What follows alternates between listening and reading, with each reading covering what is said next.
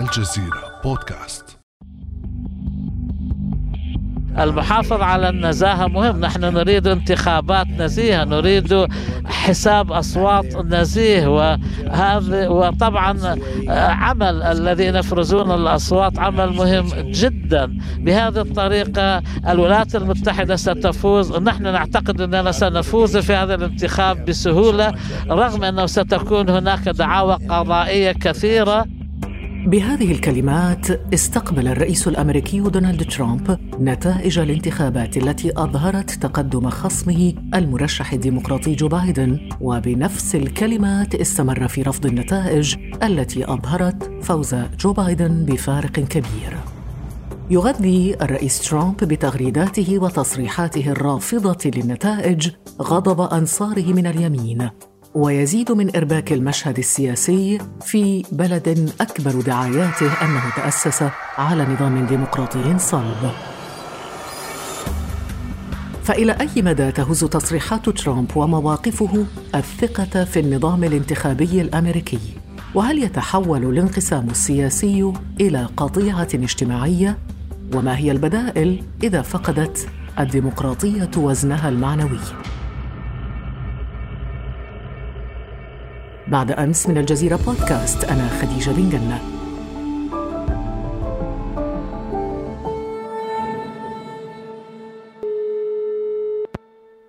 ضيفنا اليوم هو الدكتور عبد الحميد صيام المحاضر بمركز دراسات الشرق الأوسط بجامعة راتجرز نرحب بك دكتور عبد الحميد. أهلا وسهلا بك. أهلا وسهلا بك خديجة وسعيد أن أكون مع برنامجك مرة أخرى. شكرا لك. دكتور صيام ما مدى تأثير رفض ترامب للاعتراف بالنتائج وأيضا حديثه عن التزوير وعن مصداقية وشرعية النظام الديمقراطي الأمريكي. يعني أولا نحن أمام رئيس مختلف تماما لم يأتي من قبل مثيل له. لذلك هو ليس النموذج الأفضل للحديث عن الديمقراطية الأمريكية. هو يحاول أن يستغلها لصالحه الشخصي واستغلها خلال الأربع سنوات الماضية بطريقة غريبة. لم يأتي رئيس يستغل منصب الرئيس كما استغله ترامب لأنه آت إلى المنصب من خارج المؤسسات السياسية. لا يهمه أحد ولا يعتد برأي أحد ولا يهمه الحزب الجمهوري ولا الحزب الديمقراطي ولا حتى الكونغرس. هذا الرئيس اتخذ قرارات غريبة غريبة على النظام الديمقراطي. لكن أود أن أشير إلى أن الديمقراطية الأمريكية أيضا ليست كاملة. هناك عيوب حقيقية عيوب بنيوية في الديمقراطية الأمريكية. يستطيع رئيس مثل ترامب أن يستغلها لصالحه. هو الآن يرفض النتائج لكن في الأخير سيلتقي المجمع الانتخابي في السابع من ديسمبر القادم ويقرر من هو الرئيس وبعد أن يقرر المجمع الانتخابي من هو الرئيس بعد مراجعة كافة النتائج في كافة الولايات؟ لا يستطيع ترامب ولا غير ترامب أن يخرق هذا النظام وتستطيع الأجهزة التنفيذية أن تقر من هو الرئيس وتستطيع أن تأخذه من البيت الأبيض مكتوفا إذا دعا الأمر. لنفصل أكثر دكتور في الآليات التي يمكن للديمقراطية الأمريكية أن تحمي بها نفسها. ما هي هذه الأدوات التي يمكن أن تعالج بها الديمقراطية الأمريكية آثار تصرفات دونالد ترامب؟ يعني الآلية الأولى هي نتائج الانتخابات الحقيقية. هذه ولايات كل ولاية تستطيع أن تفرز الانتخابات بطريقة دقيقة ومراقبة من الحزبين والأجهزة التنفيذية وعندما تنتهي عملية فرز الأصوات بشكل نهائي ترسل النتائج للمجمعات الانتخابية. تلتقي المجمعات الانتخابية تراجع النتائج وتصدر القرار النهائي في السابع من ديسمبر القادم. بعد ذلك تؤخذ هذه النتائج إلى الكونغرس والكونغرس في تشكيلته الجديدة في يناير من 2021 هو الذي يستطيع أن يراجع هذه النتائج وإذا حصل أي مشكلة يستطيع مجلس النواب أن يقر هذه النتائج ويستطيع أن يصدر تعليمات للأجهزة التنفيذية بتنفيذها. لا يستطيع ترامب ولا أي رئيس أن يخرق هذه القوانين. هذه ديمقراطية بالطريقة الأمريكية ديمقراطية مستقرة لأكثر من 240 عاما ولذلك سيحاول لآخر لحظة أن يتمرد على هذه النتائج لكن في الأخير كما قلت آليات هذه البلاد وهي بلاد شاسعة وقوية ولا تستطيع أن تتماسك إلا بنظام ديمقراطي مستقر وحقيقي بالأخير هي التي ستنتصر على تصرفات فردية من رئيس غير تقليدي على الإطلاق. لكن قبل 240 عاما دكتور صيام هل فكر الآباء المؤسسون في سيناريو مثل هذا في الحالة السياسية الترامبية إن صح التعبير؟ حقيقة وضعت بعض القوانين لكن الديمقراطية الأمريكية ظلت في حالة تغير وتحسن نستطيع أن نقول. لم تولد كاملة الديمقراطية الأمريكية. في البداية كانت تخدم فئة قليلة من المجتمع الأمريكي. كانت تخدم الأبيض الذي يملك الأرض ثم توسعت قليلا. وأضافت كثيرا من الفئات الأمريكية يعني فقط في عام 1920 أقرت مشاركة المرأة وأصبحت تشارك في الانتخابات لغاية عام 1965 حتى أقر قانون الانتخابات العامة الذي سمح لجماهير السود أن تشارك في الانتخابات. فهذه الديمقراطية لم تولد كاملة لم تولد مكتملة تماما لكنها تحسنت مع الوقت وما زالت تتحسن. لكن مرة أخرى في الديمقراطية الأمريكية عيوب. فيمكن أن يحصل المرشح على غالبية أصوات الشعب ويخسر الانتخابات وهذا لا يحصل في أي بلد آخر. يعني مثلا هيلاري كلينتون حصلت على أكثر من ثلاثة ملايين صوت زيادة عن ترامب ولكنها خسرت الانتخابات. وآل جور عام 2000 حصل على أكثر من نصف مليون صوت أكثر من جورج دبليو بوش ولكنها خسرت الانتخابات. أعتقد هذه بعض العيوب في الديمقراطية الأمريكية التي لابد أن يتم مراجعة لها وهناك أصوات كثيرة تنادي بإعادة النظر في موضوع المجمعات الانتخابية. لكن رغم كل خصائص وميزات هذا النظام الديمقراطي الذي تحدثت عنه دكتور هناك اليوم حالة من الانقسام الاجتماعي والسياسي كرسها الرئيس الخاسر ترامب. أتعهد أن أكون رئيسا لا يقسم ولا يشرذم ولكن يسعى للوحدة.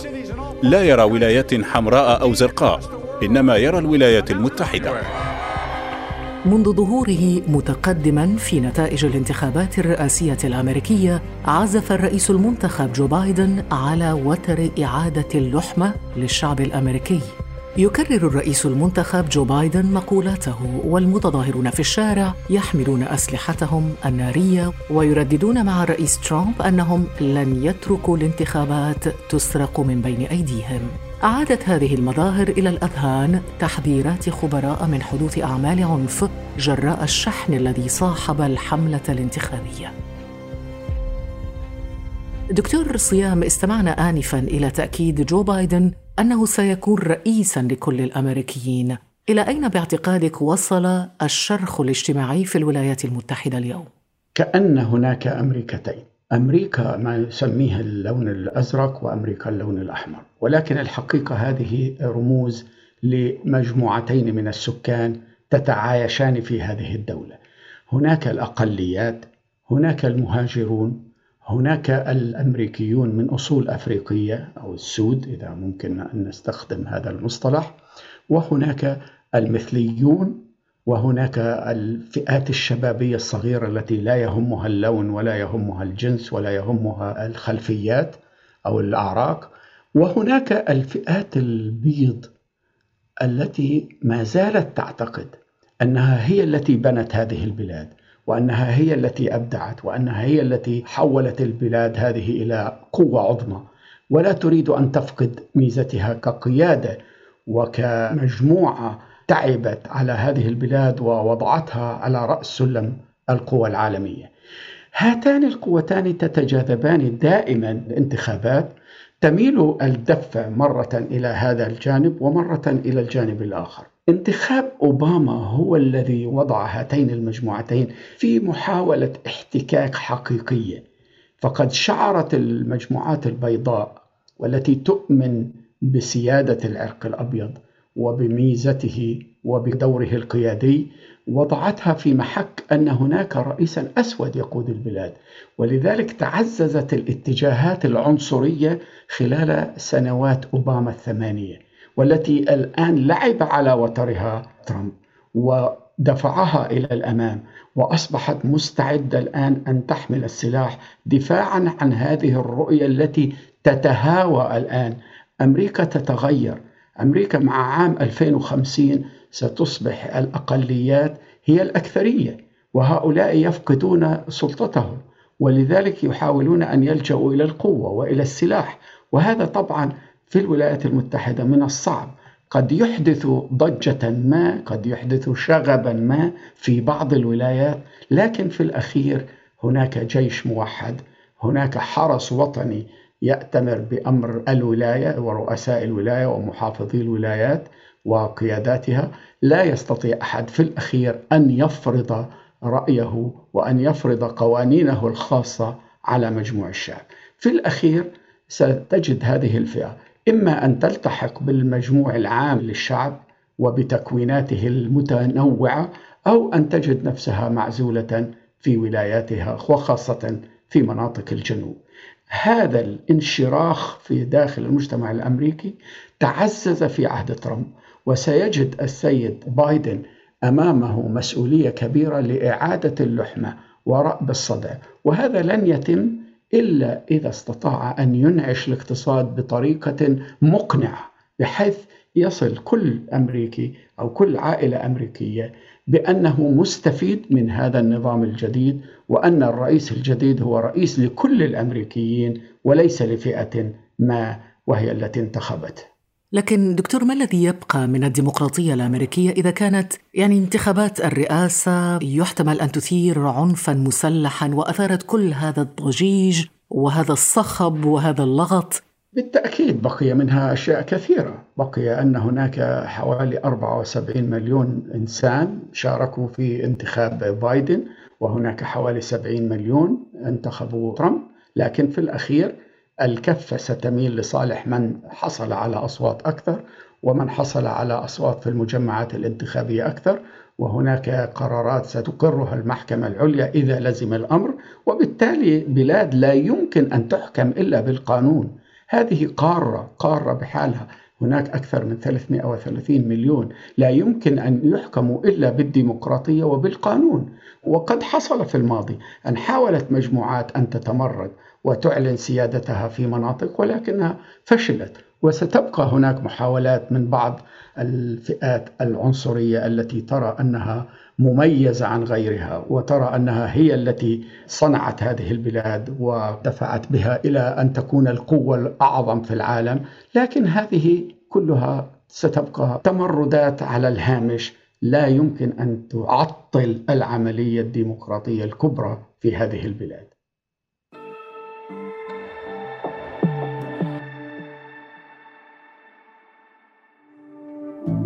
فعل زر الاشتراك في تطبيقك لتصل الحلقات يوميا إلى هاتفك بشكل تلقائي.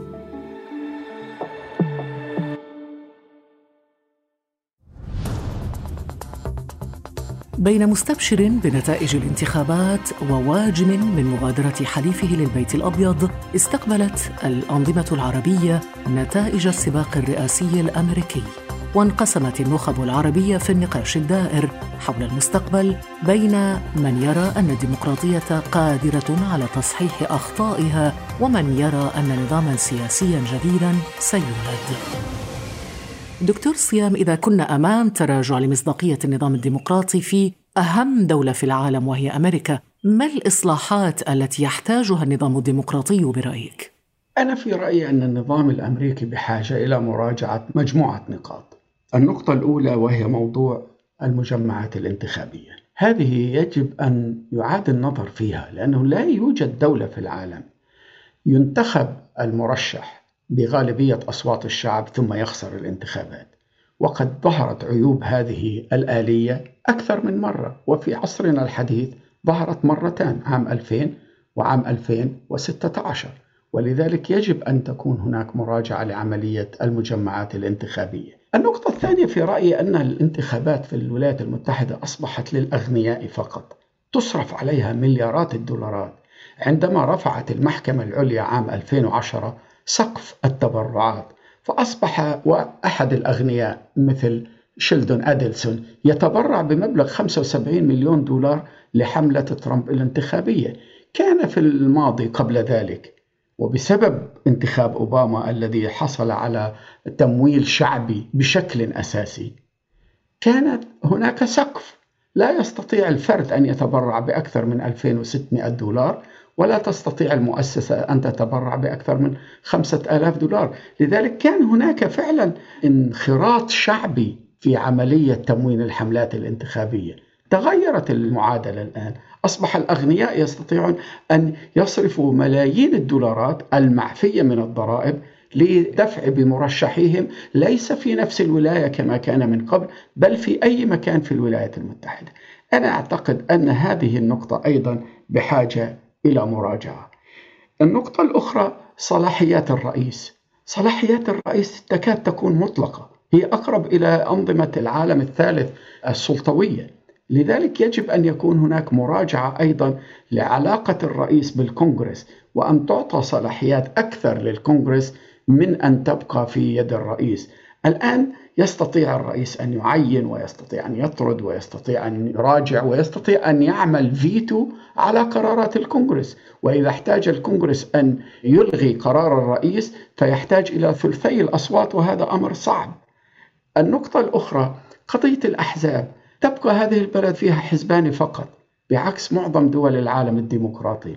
وهذان الحزبان ممكن أن نطلق على حزب الديمقراطي هو حزب الأغنياء وعلى حزب الجمهورية هو حزب الأكثر ثروة أو ما نسميه بالإنجليزية rich and super rich. أصبح الفقراء أحيانا لا يستطيعون أن يدخلوا العملية الانتخابية. نظرية زواج المال بالسياسة. نعم نعم تماما. موضوع آخر مثلا المحكمة العليا. الآن عدد قضاتها تسعة فقط وهذا العدد منذ عام 1869 عندما كان عدد سكان الولايات المتحدة حوالي 30 مليونا. يعني العدد غير كافي الآن.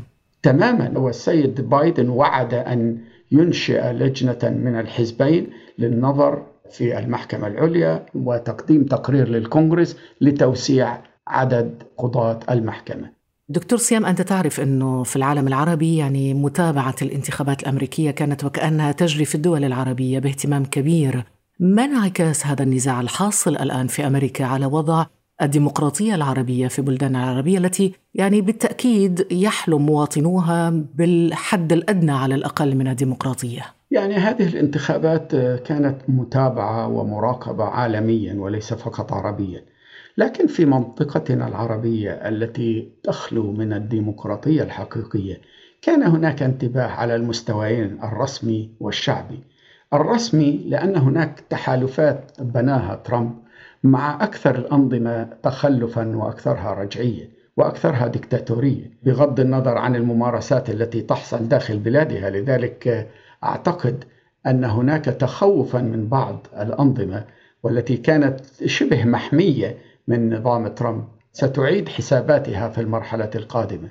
أما شعبيا فأنا متأكد أن الشعوب العربية تراقب وترى كيف أن الانتخابات تتم تحت أنظار الجماهير وكل إنسان يشارك فيها ويتم حساب الأصوات ويخرج الناس يعبرون عن آرائهم بكل حرية ويكون هناك خلافات ويكون هناك مناظرات بين المرشحين ويعامل المرشح كأنه إنسان عادي ليس فوق القانون يتجادلون بطريقة وحتى حادة لكن لا أحد فوق القانون. الكل يلتزم بالقانون نتمنى أن هذا الدرس يصل إلى الجماهير العربية بحيث تعيد النظر في أوضاعها وكما تحركت عام 2011 و2019 في بعض الدول أن تعود الحيوية للجماهير بحيث تدق أبواب الخزان وتطالب بإعادة الاعتبار للشعوب ومواقفها وخياراتها.